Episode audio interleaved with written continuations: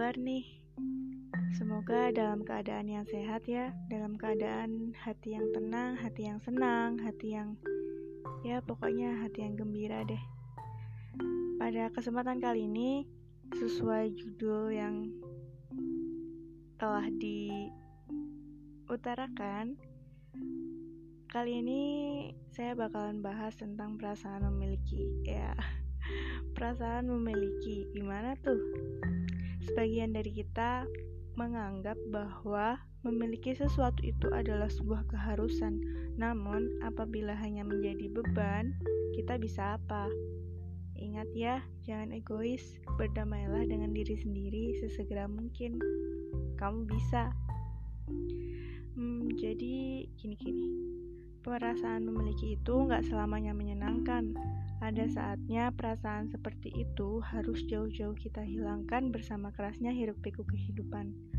Buang saja perasaan memiliki itu jika malah akhirnya nanti membuat kamu sendiri gak tenang, gak nyaman, dan gak membahagiakan.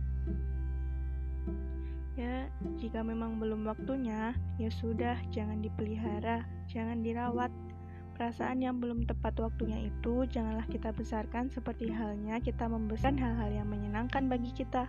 Contohnya seperti ya seperti kita sedang menjalankan hobi kita, mungkin mengoleksi mainan, merawat bunga-bunga di, di halaman depan rumah, memelihara kucing. Hmm, beda ya, pokoknya beda. Kalau memang tidak menyenangkan, sudah tinggalkan.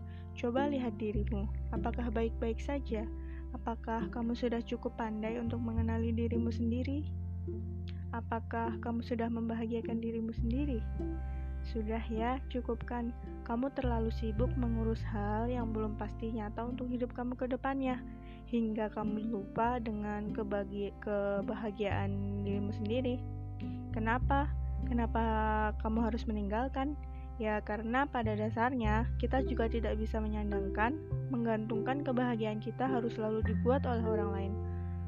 Nggak semua orang lain itu bisa dan mau untuk mengerti apa kemauan kita.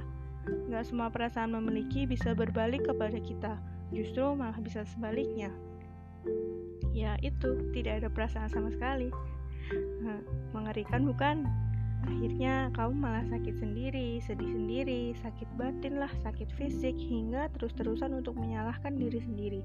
Tidak ada bahagianya sama sekali. Ya mungkin memang tidak semua orang mengalami hal seperti itu. Tapi untuk kamu yang belum pernah merasakan, hindari sesegera mungkin dan jaga diri kamu baik-baik.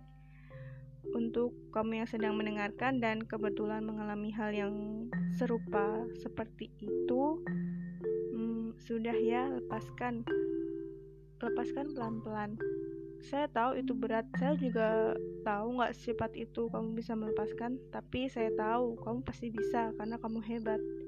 Bahagiakan dirimu, jaga dirimu, sayangi dirimu. Toh juga sebelum perasaan memiliki itu ada, kamu juga baik-baik saja kan tanpanya.